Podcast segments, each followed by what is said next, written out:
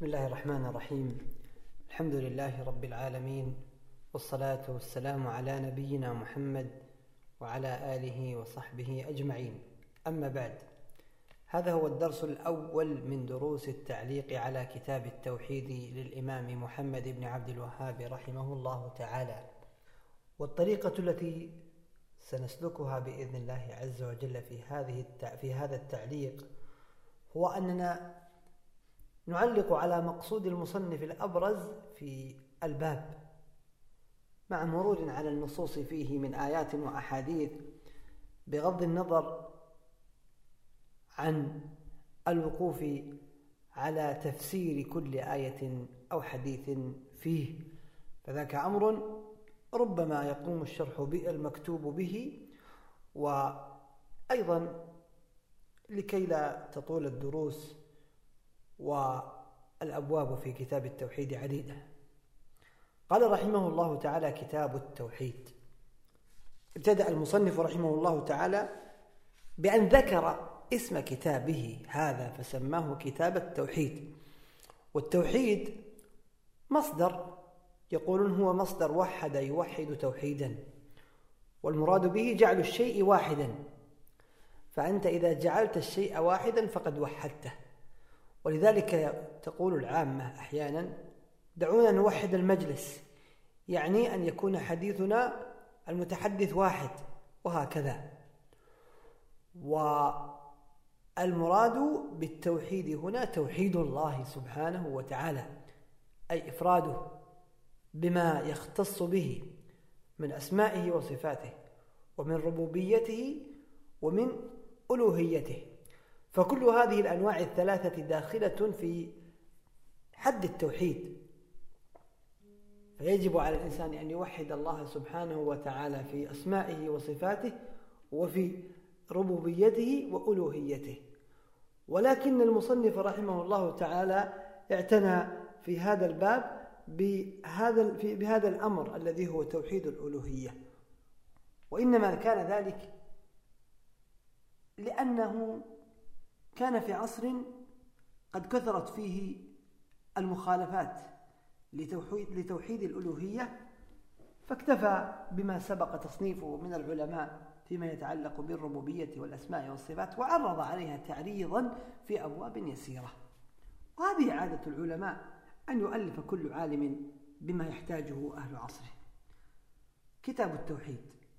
ثم قال وقول الله تعالى وما خلقت الجن والإنس إلا ليعبدون ذكر هذه النصوص وهي خمس آيات وحديث وذكر فيها المراد الأبرز للتوحيد وموضوعه الأهم وهو عبادة الله سبحانه وتعالى مخلصا له العبادة القولية والفعلية مع البراءة من الشرك وأهله. ثم ساق النصوص على ذلك. أولها وما خلقت الجن والإنس إلا ليعبدون. فذكر في هذه الآية الأمر الذي لأجله أوجد الله عز وجل الخليقة وأجرى لهم الأرزاق وسائر أمورهم ويسر أمورهم ودبرهم على ما تقوم به مصالح دنياهم كل ذلك وكل هذه الأمور التي خلقها الله عز وجل للعباد هم خلقهم الله لأمر أعظم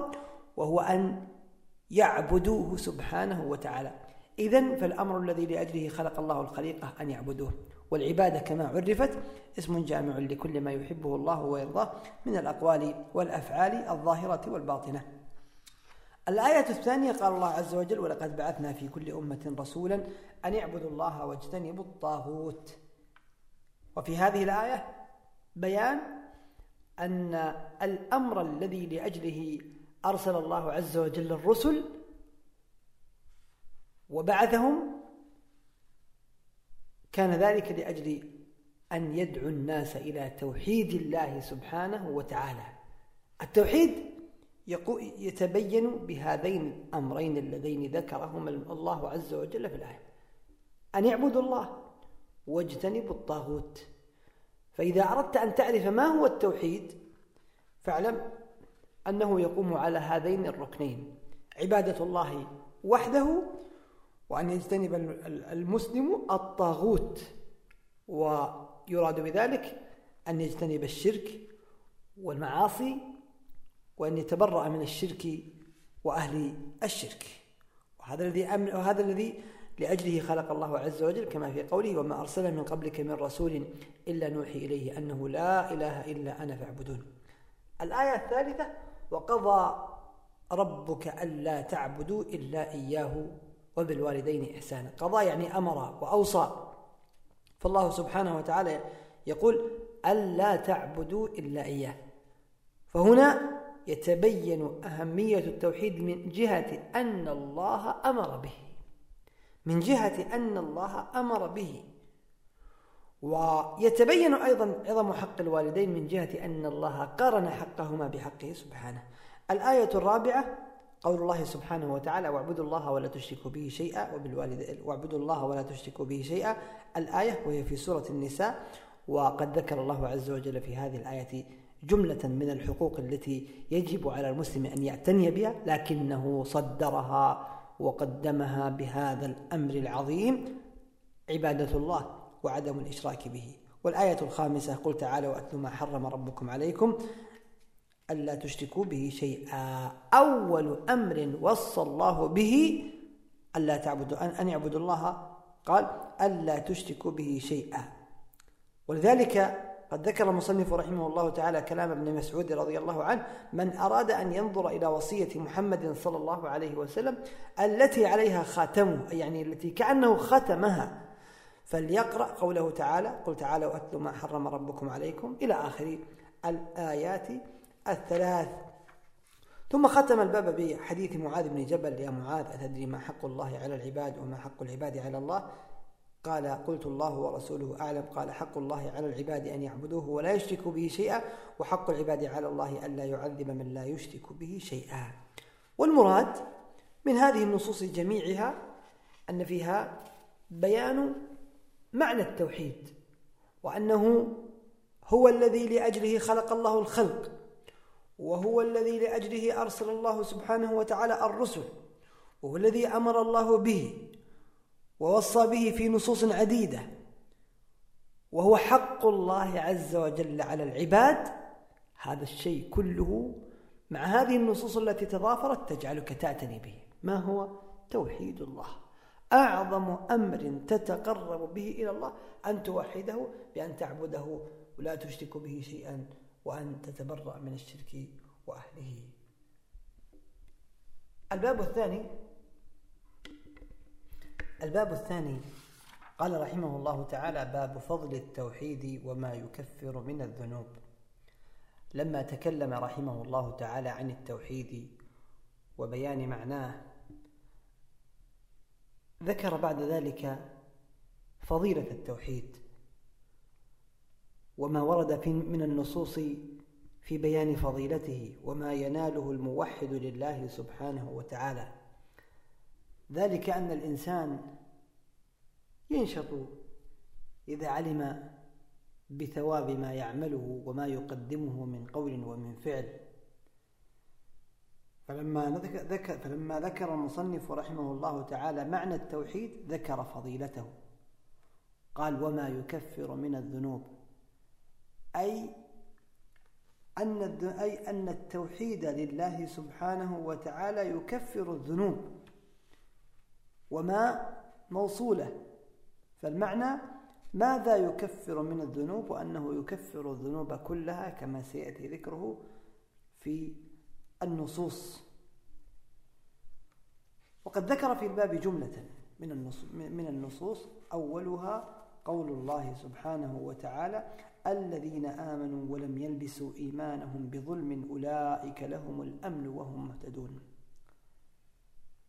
فأول فضائل التوحيد أنه يحصل للعبد به الأمن في الدنيا وفي الآخرة. وأعظم أمن يطلبه يطلبه الإنسان هو الأمن الذي يكون يوم القيامة حينما يفزع يفزع الناس ويبحثون عن ما يؤمن روعاتهم.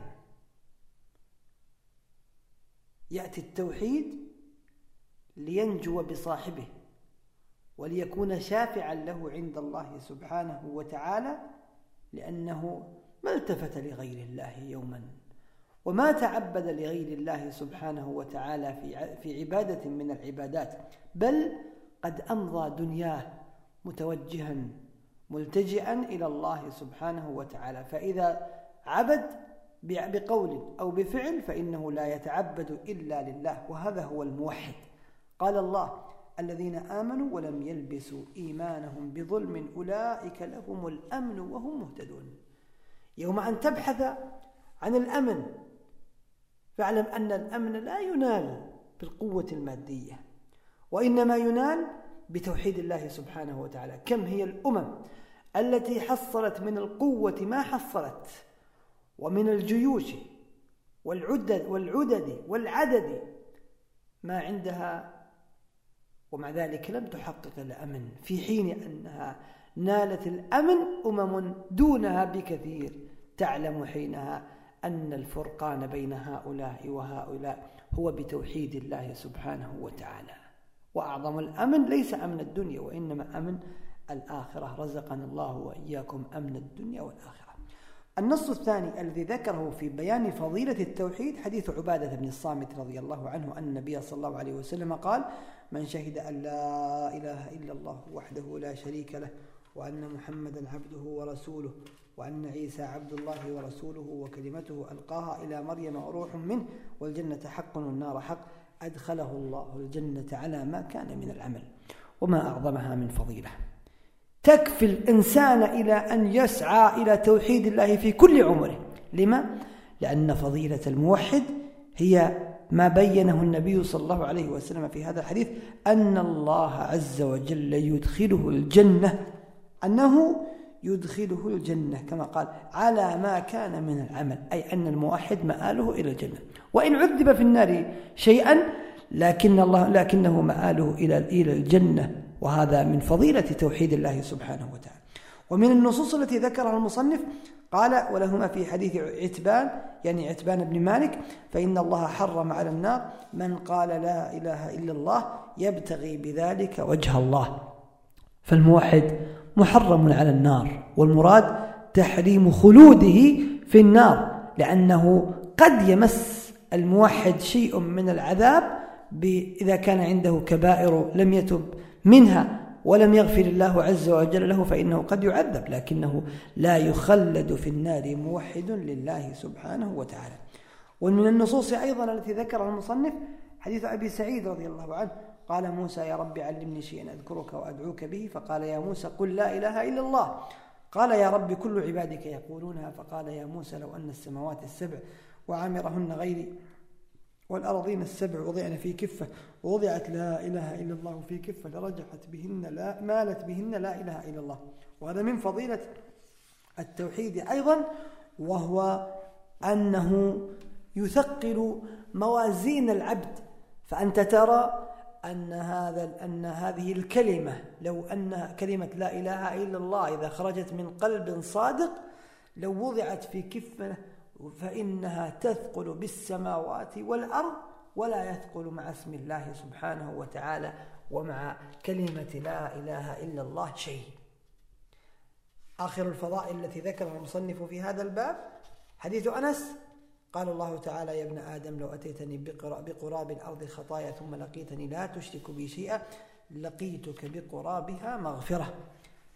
والمراد أن التوحيد يغفر الله عز وجل به ذنوب العبد.